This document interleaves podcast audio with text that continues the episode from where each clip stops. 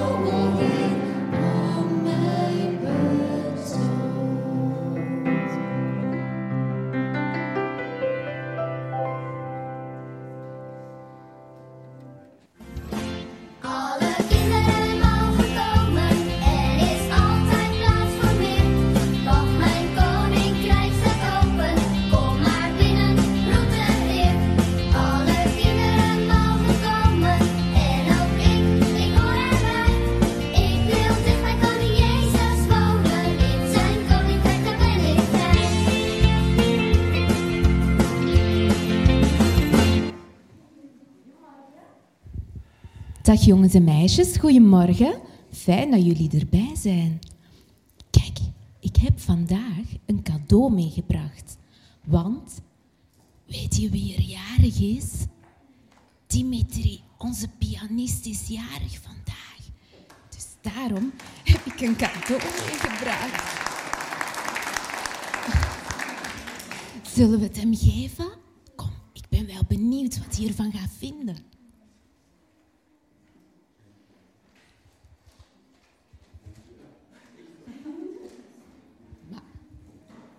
Maar nu, nu legt Dimitri dat cadeau gewoon aan de kant. Hebben jullie dat gezien, dat Dimitri gewoon dat cadeau aan de kant heeft gelegd? Hm, dat is toch een beetje vreemd. Weet je aan wat mij dat doet denken? Dat doet me eigenlijk denken aan het cadeau dat de Heere God voor ons heeft. De Heere God die houdt zoveel van ons dat hij een heel speciaal cadeau voor ons heeft. Het enige wat de Heere God heeft, geeft hij aan ons. En wij, wij doen dat cadeau ook soms aan de kant. En we kijken er niet naar. En vandaag gaat het verhaal over het cadeau dat de Heere God voor ons heeft, omdat hij zoveel van ons houdt. Luisteren jullie mee? Ja? Kijk, hier zien we Nicodemus. En Nicodemus die werkt in de tempel. Nicodemus is heel slim, want hij kent alle boeken van de Heilige Schrift. Hij studeert erin en hij leert er heel goed over. En Jezus, die is daar ook. En soms vraagt Nicodemus uitleg aan de Heer Jezus, want Nicodemus, die is heel nieuwsgierig. En Jezus, die legt alles uit aan Nicodemus. Maar Nicodemus, die weet eigenlijk nog niet echt alles. En daarom legt de Heer Jezus het nog een keer uit. Aan de hand van een verhaal doet de Heer Jezus dat. Jezus vertelt hoe God rondkijkt naar de aarde, naar zijn mooie wereld. Wat houdt de Heere God heel veel van alle mensen die er wonen. Toch kijkt God niet blij.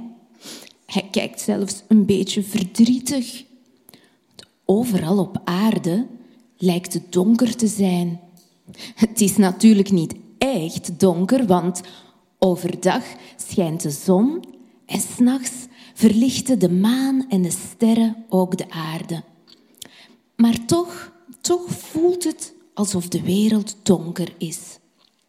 Dat komt doordat er wel verkeerde dingen gebeuren in de wereld. De mensen die leven niet altijd goed, ze doen de mensen om zich heen pijn. En dat maakt God heel erg verdrietig. Maar zelfs al maken de mensen God verdrietig, wil God toch de mensen redden. Zoveel houdt de Heere God van ons. Hij wil ze redden van het donker, van al die nare en verdrietige dingen hier op, op de wereld. Hij moet de mensen laten zien hoe mooi het licht is, zodat ze bij het donker vandaan gaan. En daarom, daarom bedenkt God een plan. Hij kan maar één ding bedenken, één plan dat de mensen kan redden. Zijn enig kind naar de wereld sturen. Zijn zoon, van wie hij zoveel houdt. Zijn naam is Jezus. Ja, zijn naam is Jezus. In Jezus is er geen donker. Hij is helemaal licht. En door hem zullen de mensen het licht gaan zien en weer gaan houden van Jezus. God weet het. Maar God weet ook dat het wel moeilijk zal worden voor Jezus als hij naar de aarde komt. Niet iedereen zal blij zijn dat Jezus komt. Want het licht van Jezus laat de mensen ook zien dat er iets donker in hen is. En sommige mensen, sommige mensen die willen daarvan weglopen. Die zijn daar bang van. En andere mensen die worden zelfs heel boos. Zo boos dat ze Jezus proberen dood te maken. Ja, ze hangen hem hoog aan een kruis. En Jezus die gaat zelfs echt dood. Zo verdrietig is dat wanneer er iemand doodgaat. Het allerdonkerste donker, zo verdrietig. Maar zelfs dat allerdonkerste donker, dat kan het licht van Jezus niet overwinnen. Want Jezus' licht is zo sterk. Het is zelfs sterker dan de dood. En Jezus, die staat op uit de dood. Hij leeft weer. Hij gaat terug naar de Heere God, naar zijn Vader in de hemel. En gelukkig, gelukkig rennen niet alle mensen weg van Jezus. Nee, de mensen zijn eigenlijk juist op zoek naar het licht. Kijk, zie je die mensen daar? Die willen uit het donker komen en ze lopen naar het licht. Ze komen naar Jezus toe en ze weten dat ze zich niet hoeven te verstoppen voor het licht. Ze geloven in Jezus en ze willen leren hoe goed ze kunnen leven en trouw zijn aan Jezus. Ze kiezen voor het licht. En weet je, de mensen die mogen altijd bij Jezus blijven, zelfs al zijn ze ooit gestorven. Dan nog mogen ze bij Jezus blijven, want één keer komt Jezus terug en komt Hij ons halen. En dan mogen we mee naar de hemel en mogen we wonen bij Jezus. Want Gods licht is veel sterker dan het donker. Zo, dat verhaal dat Jezus vertelde is afgelopen. En nu snapt Nicodemus wie Jezus is en wat hij hier komt doen. En wat denk je? Wat gaat hij kiezen? Gaat, Jezus, gaat Nicodemus kiezen om daar in het donker te blijven staan? Of gaat hij naar het licht doen, naar Jezus? Zullen we er boven verder over praten en werkjes maken? Kom maar mee.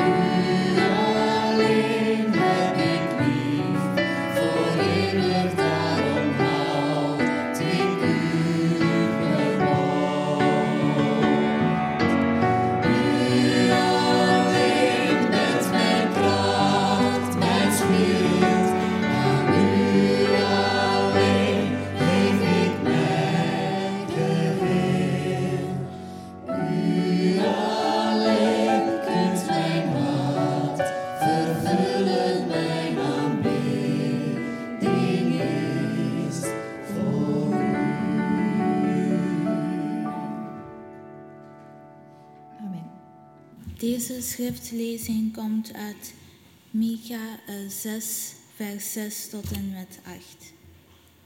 Wat kan ik de Heer aanbieden? Waarmee hulde brengen aan de verheven God? Moet ik hem tegenmoet treden met brandoffers? Zal hij eenjarige stieren aanvaarden? Kan ik hem gunstig stemmen met duizenden rammen? Met olie stromend in tienduizend weken, moet ik mijn oudste kind geven voor wat ik heb misdaan, de vrucht van mijn schoot voor mijn zondig leven. Er is jouw mens gezegd wat goed is. Je weet wat de Heer van je wil. Niets anders dan recht te doen, trouw te betrachten en nederig de, de weg te gaan van je God. Um, laat God het woord zegenen. Um, ik was hier vorig jaar. Dus, maar nu nog een kans. Uh, bedankt voor de uitnodiging. Uh, ik wil starten met een gebed en dan gaan wij direct naar ons thema vandaag. Ja, kunnen wij een moment nemen om te bidden en vragen aan de Heer uh, voor zijn aanwezigheid. Dat Hij ons kan leiden als wij Micha, hoofdstuk 6, vanaf 6 tot 8 lezen. En samen proberen de boodschap voor ons daar te zien. Laten we bidden. Vader, wij bidden voor uw aanwezigheid hier. Wij vragen dat u met ons kan zijn. Dat als wij dieper in de woord gaan, dat u ons kan leiden, Heer. Dat wij uw hart kunnen zien. De boodschap dat jij voor ons hebt, Heer. In de naam van Jezus weet ik. Amen. Op 28 augustus verzamelde 1963, lang geleden, verzamelde zich een grote groep van mensen. 250.000 mensen. 250.000 mensen zijn gekomen naar Washington om te protesteren. De sfeer is elektrisch. Je kan het voelen. Mensen verwachten iets groot.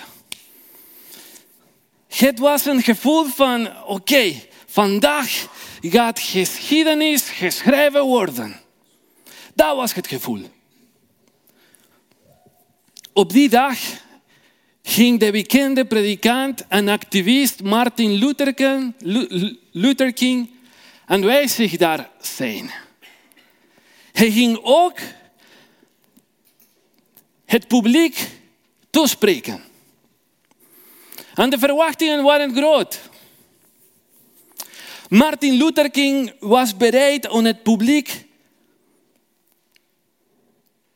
te te spreken. Hij had alles voorbereid. De tekst. Zijn, adviseurs hadden hem gezegd, aangeraden. Kijk Martin, ik heb veel keren over jouw droom verteld. Laten wij dit moment gebruiken om mensen te laten weten onze politieke eisen. Wat wij echt willen zien in onze maatschappij veranderen. Dit is echt de, de, de, de belangrijkste punt hier, Martin.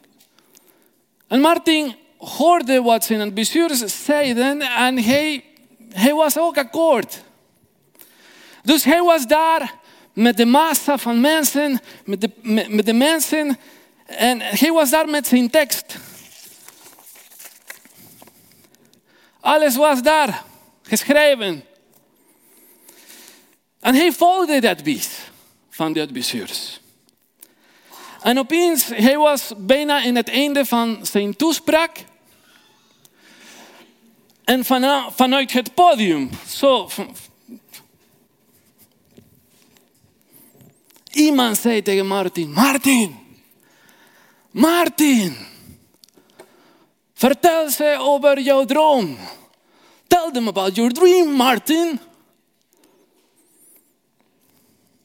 En dat was het moment dat Martin, Martin nodig had. Om te beseffen dat dat moment was een unieke moment. Om die mensen te vertellen over zijn droom, zijn visie, zijn verlangen. Martin, Martin, die met de tekst was in de handen, hij legde zijn papier opzij en hij begon met overtuiging en passie te praten over zijn droom.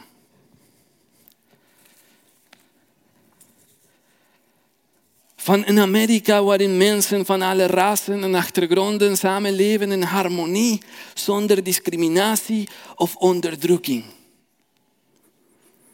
En hij begon met de volgende woorden. Ik heb een droom dat op dag dit land zal opstaan en het ware potentieel van zijn credo zal waarmaken. Wij vinden deze waarheden vanzelfsprekend. Dat alle mensen gelijk zijn geschapen. En hij volgde. Ik heb een droom. droom dat op dag, te midden van de rode heuvels van Georgia, de zonen van voormalige slaven en de zonen van voormalige slaven-eigenaren samen aan de tafel van broederschap kunnen zitten. Ik heb een droom dat mijn vier kleine kinderen op een dag zullen leven in een land waar zij niet beoordeeld zullen worden op de kleur van hun huid, maar op de inhoud van hun karakter. Ik heb een droom. Daar op een dag zelfs in de staat Mississippi, in een staat die verzegend wordt door de hitte van onrechtvaardigheid en onderdrukking, zal worden omgevormd tot een oase van vrijheid en gerechtigheid. Ik heb een droom. En de mensen waren gehypnotiseerd, gecultiveerd, geraakt in zijn hart. En dan afronde hij met de volgende woorden. Ronde hij af met de volgende woorden.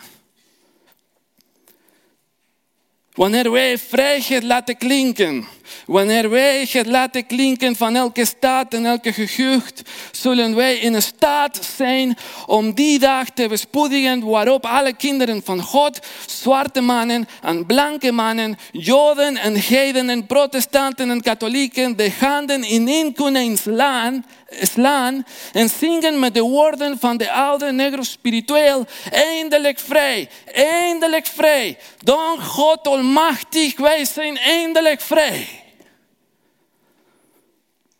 En de massa was ademloos. Geraakt door de woorden van Martin. Krachtig en kwetsbare woorden.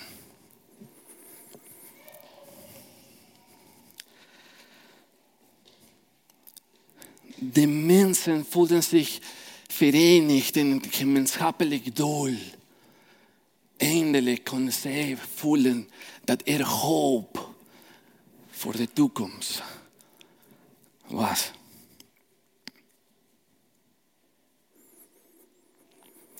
Martin Luther King, beste mensen, had een verlangen. En zijn verlangen was voor naar rechtvaardigheid. Naar gelijkheid. Getrouwdheid, liefde. Ongeacht cultuur, nationaliteit, achtergrond, taal zijn verlangen, beste mensen, was een goddelijk, goddelijk verlangen. Waarom zeg ik dit tegen jullie? Omdat die, dit goddelijk verlangen kunnen we vinden geschied door de oude profeten in veel teksten van de Bijbel. Momenten waarop wij opeens kunnen zien het hart van God.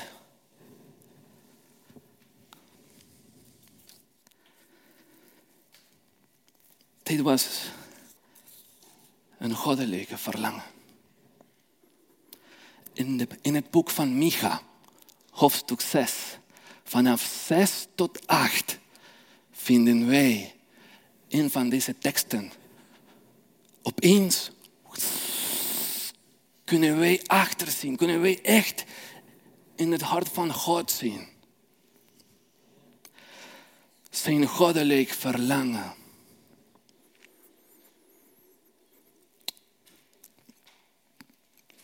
En in Micha, beste mensen, alles start met een vraag. En de vraag is, Micha hoofdstuk 6 vanaf 6 tot 8. Wat kan ik de Heer aanbieden waarmee hulde brengen aan de verheven God? Dat is de vraag. En andere vertalingen Wat kunnen wij de Heer geven? Hoe kunnen wij de machtige God eren? Dat is de vraag van een aanbieder. Hij komt met deze vraag. In andere woorden, wat wil God? Dat is zijn vraag. Wat wil God? En hij begint om te reciteren in reeks van mogelijke antwoorden.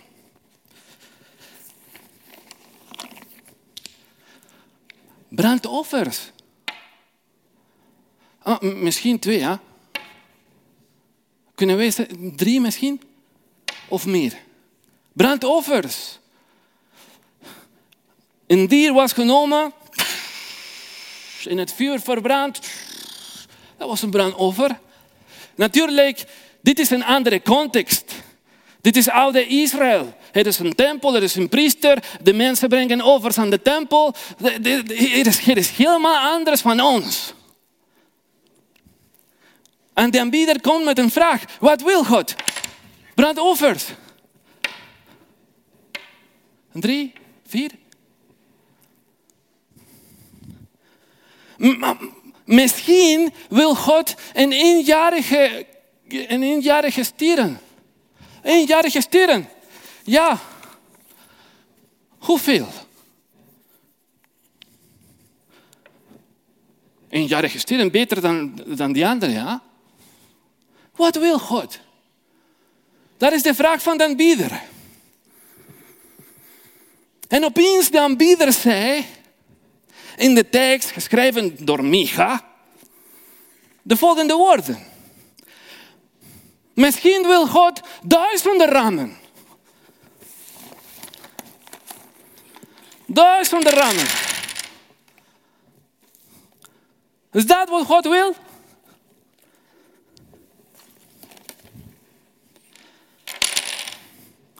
Dat is beter dan twee of drie, hè? Duizenden ramen. Wij lezen dat David duizenden, duizenden offeren bracht aan de Heer. En Salomon ook dit. Dat, dat is in de narratief van het Oude Testament. Daar kunnen wij dat. Wij kunnen dat vinden. Wil God duizenden ramen? En dan, oké, okay. tienduizenden oliewekken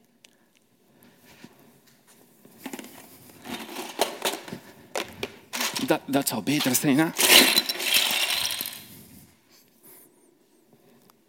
Rivieren van olie, is dat wat, wat God wil?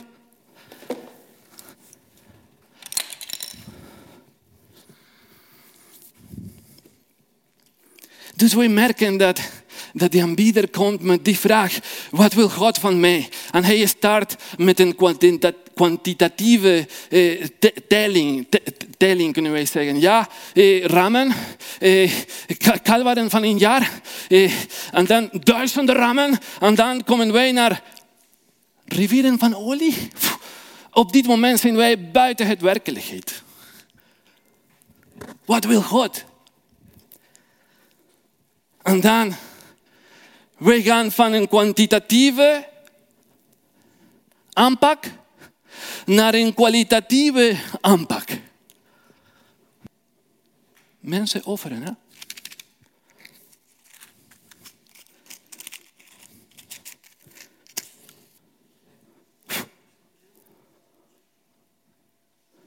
Pas op, en nou de Israël, dat was niet toegelaten. Hè?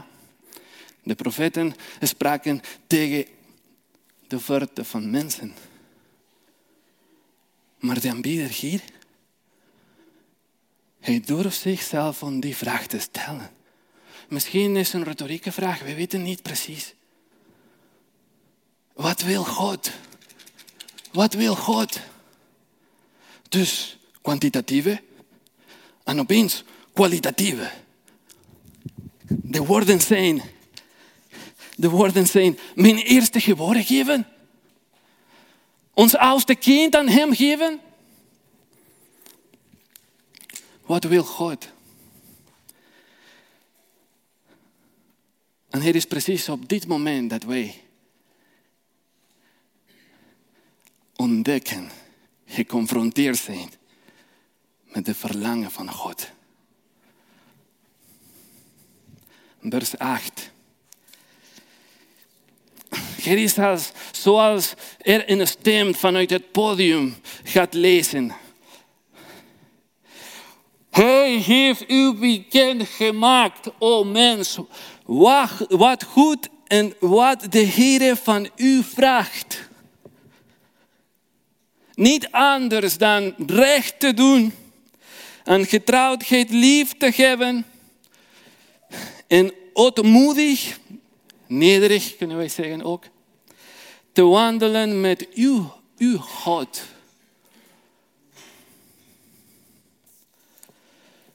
De vraag van dat bieder was, wat wil God? Wil hij iets? Het antwoord is, God wil niet iets. Wat, wil, wat God wil is jij. Jij betrokken met zijn project, met zijn verlangen. Beste mensen, vaak komen wij aan problemen soms als christenen. We reduceren alles tot leerstellingen of geloofopvattingen. Doctrines of bepaalde posities in verband met concepten, ideeën. En als jij dat aanvaardt, dan ben je een christen. Dan ben jij Gods volk. Beste mensen, dit is dieper. Dit is confronteren. Het is gemakkelijk om te komen en zingen. Hè? Het is moeilijk om dat te doen. Om God, om Jezus te prijzen, te loven en te prijzen. Amen, halleluja. Maar om Hem te volgen, is oncomfortabel. We kunnen veel tijd nemen om te bespreken over veel dingen. Ja, en wat is je positie in verband met dit punt in de Bijbel? En, en eh, met onze Griekse mentaliteit proberen alles in concepten te houden. Maar hier, wat ik merk hier is actie. Buiten je comfortzone actie. En dan dan is, is moeilijker. Er zijn drie uitspraken.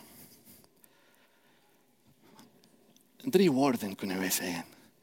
Doen, liefhebben en wandelen. Drie woorden.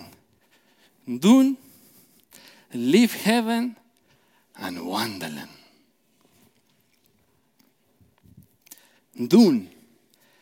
Het antwoord van vers 8 is duidelijk. Hij heeft u bekend gemaakt wat hij wil. Recht te doen. Het begrip is dynamisch. Rechtvaardigheid in de Bijbel, beste mensen, is niet, hoort niet alleen bij, bij de rechtbank. Rechtvaardigheid is iets dat wij kunnen doen in onze relaties. Om hoe wij met andere mensen omgaan. Recht te doen, herstellende rechtvaardigheid. Het betekent een stap verder gaan om kwetsbare mensen te helpen. Het betekent werken aan het opbouw van rechtvaardigheid voor iedereen.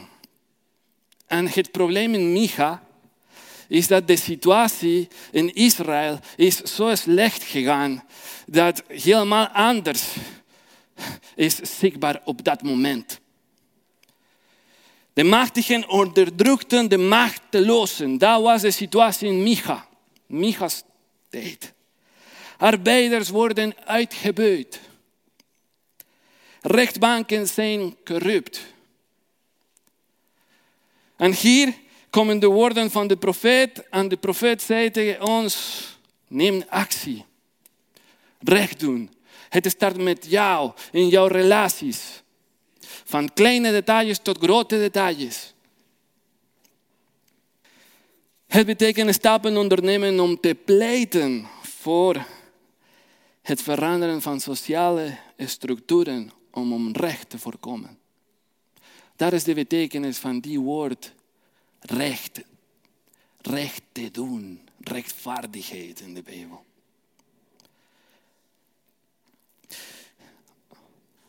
In Amos, hoofdstuk 5, vanaf 21 tot 24 vinden wij de woorden van God, die gericht zijn ook naar rechtvaardigheid. En deze woorden zijn, zijn direct. Ik ga jullie visten. Ik wees ze af, jullie samenkomsten verdraag ik niet. De brand en graanoffers die jullie meebrengen, aanvaard ik het niet. De vetgemeste beesten van jullie vredeoffers keur ik geen blik waardig. Bespaar mij het geluid van jullie liederen. De klank van jullie harpen wil ik niet horen. Laat liever het rechte stromen als water.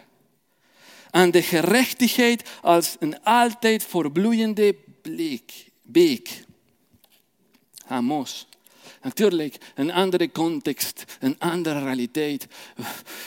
Maar ik wil deze woorden proberen aan jullie te vertellen met een parafrasis. Voor onze context vandaag. Ik ken niet tegen jullie religieuze bijeenkomsten. Ik heb genoeg van jullie conferenties en conventies. Ik wil niks te maken hebben met jullie religieuze projecten. Jullie presenteuze slogans en doelen. Ik ben ziek van uw fondsenverving. Jullie publieke relations en imago. Ik heb genoeg van jullie luide ego-muziek. Wanneer heb jij voor het laatst voor mij gezongen? Weet jij wat ik wil? En hier opnieuw. Het verlangen van God.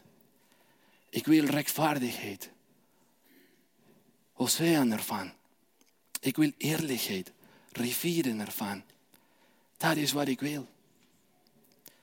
Dat is alles wat ik wil. De woorden van God. En pas op.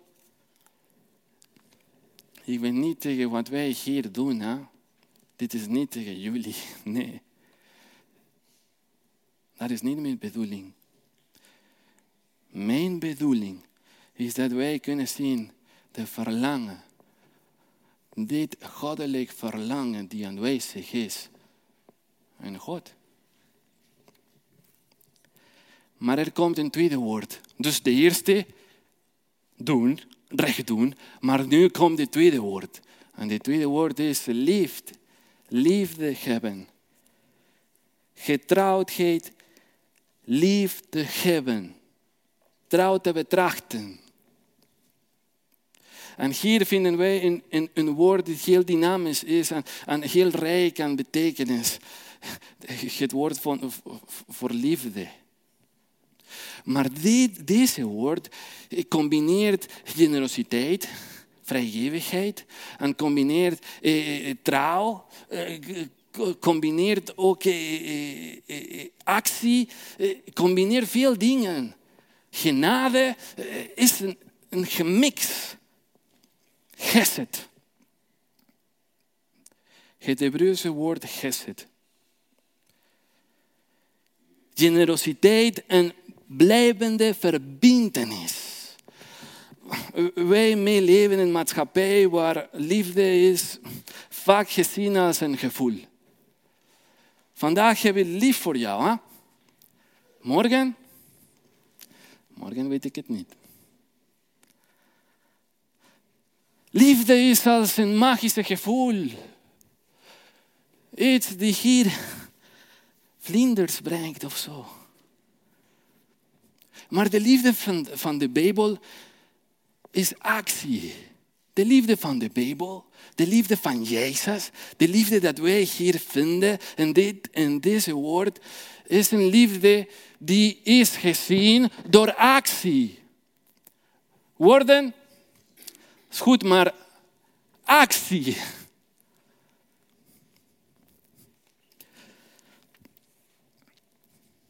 Getrouwdheid, liefde hebben. Een liefde met een sterk element van trouw. Er is een liefde die vrijgevig, onvoorwaardelijk en trouw is. In Jezus vinden wij agape liefde. Het is precies, het is interessant om te herinneren dat de woorden van Jezus zeiden heel duidelijk. Hij zei heel duidelijk. Jullie zouden mijn leerlingen zijn als jullie liefde met elkaar hebben. De liefde dat wij in Jezus vinden is een liefde van actie.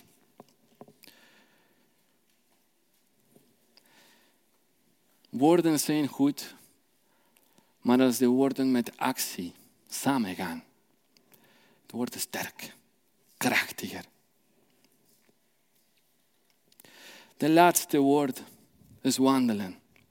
De eerste doen, de tweede lief hebben, de derde wandelen. Wat gebeurt wanneer wij wandelen? Het is een oriëntatie. Wij wandelen met vrienden, met familie. En hoe is de sfeer? Wij praten met elkaar. Wat nog? Wij genieten van elkaar. En wij gaan op een bepaalde richting wandelen. Het heeft ook te maken met een transitie. Je wandelt. Je bent in beweging. Het is dynamisch. Maar vaak begrijpen wij een christen zijn op een hele statische manier. Ik heb al de kennis, oh, ik heb het gekregen. Nu is het genoeg. Nee. Wandelen met de Heer is een reis, een geestelijke reis. Ups, downs. Sommige keren moeilijke vragen, lijden, maar ook momenten van vreugde. Er is een reis, beste mensen. Het is niet statisch. Het heeft te maken met een bepaalde manier van leven ook. Het is niet één keer per week alleen. Het is niet een ritueel. Het is een relatie. Het is dynamisch. Wandelen met uw God. Het is interessant, Jezus heeft mensen uitgenodigd. Petrus, deze vier, Petrus, Johannes, Jacobus en die andere Andreas. Andreas. En hij was aan het wandelen. En hij heeft een oproep gegeven. Hij riep die mensen uit. Volg mij. Het is interessant. Hij zei niet tegen de mensen, hey, geloof jij 28 geloofopvattingen, leerstellingen, dan kan jij mijn leerling zijn. Hey, nee, dat was niet gedaan. Wat was de uitnodiging? Volg mij. Eh, dat is een uitnodiging om leerling te worden van Jezus. En als jij met Jezus wandelt, dynamisch, jij bent geconfronteerd met een persoon die op die manier leeft.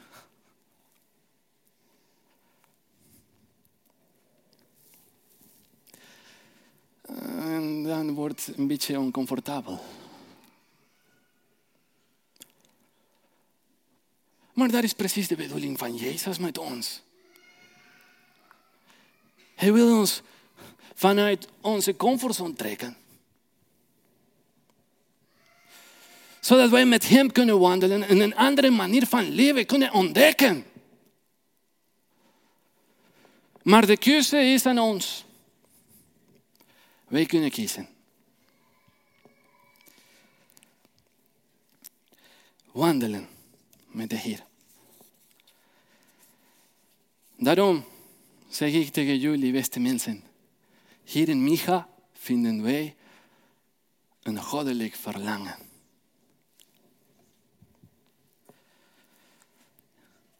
Als wij tegen ons vragen, oké, we kunnen in Jezus deze soort van leven vinden. Eh, maar eh, is er nog iemand?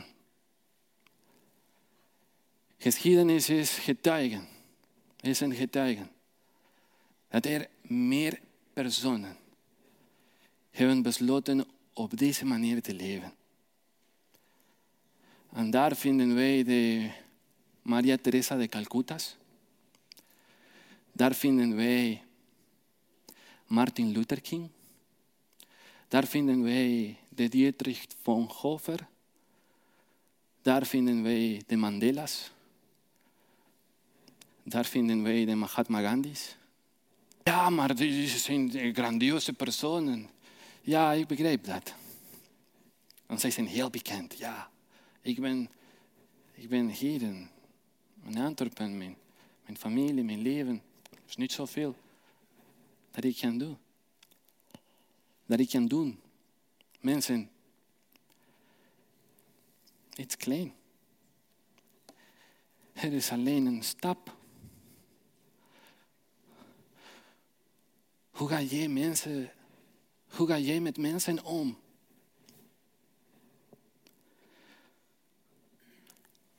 Laten wij liefde zichtbaar zijn. Op een praktische manier. Nemen wij gewoon de telefoon en zeggen, hey, hoe, gaat het met jou? Ik, heb jou, ik mis jij. Kleine details. Het doel is niet om een Martin Luther King te kunnen zijn. Natuurlijk, hij kan een inspiratie voor ons zijn. Maar het doel is dat wij deze principes in onze leven kunnen toepassen.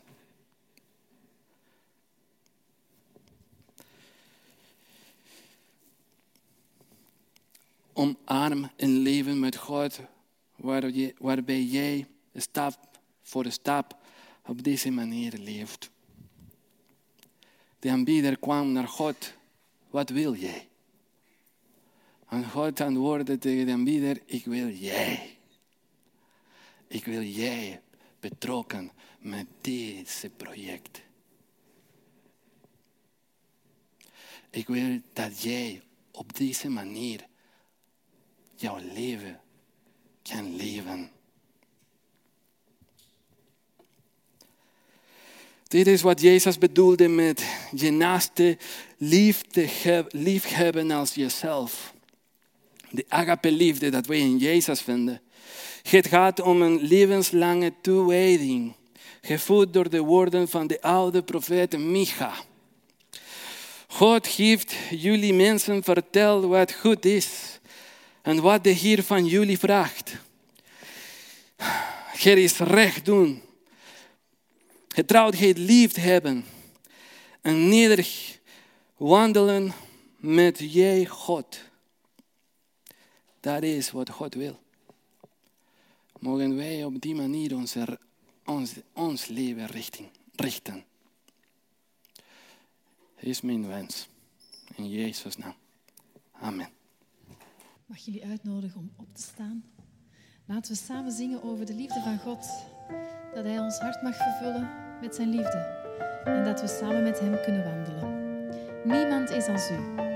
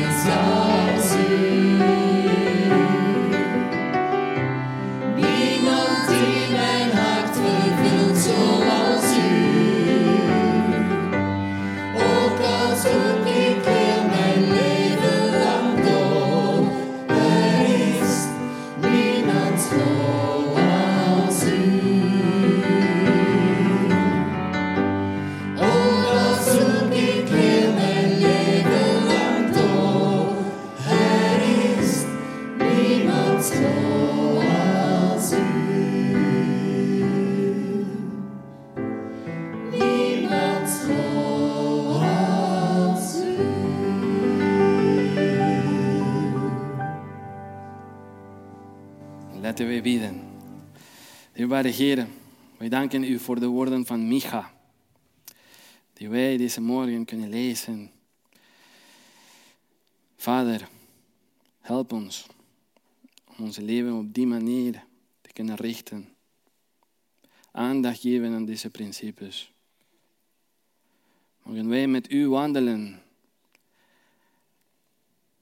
Mogen wij hier weerspiegelen deze manier van leven. Stap per stap, kleine stapjes in de loop van de tijd maken een verschil. Mogen wij een gemeenschap zijn die een plaats biedt voor mensen die slachtoffers op dit moment zijn. We vragen hier voor de hulp. Mogen wij wandelen met u en de uitnodiging van Jezus aanvaarden en begrijpen ook hier dat onze wandeling met u is dynamisch. Dat wij groeien. Er komen moeilijke momenten ook, maar er is ook vreugde. Wij vragen hier uw aanwezigheid in ons leven. Mooi. Wij vragen uw zegen in deze gemeente van Antwerpen in de naam van Jezus. i din vei. Amen.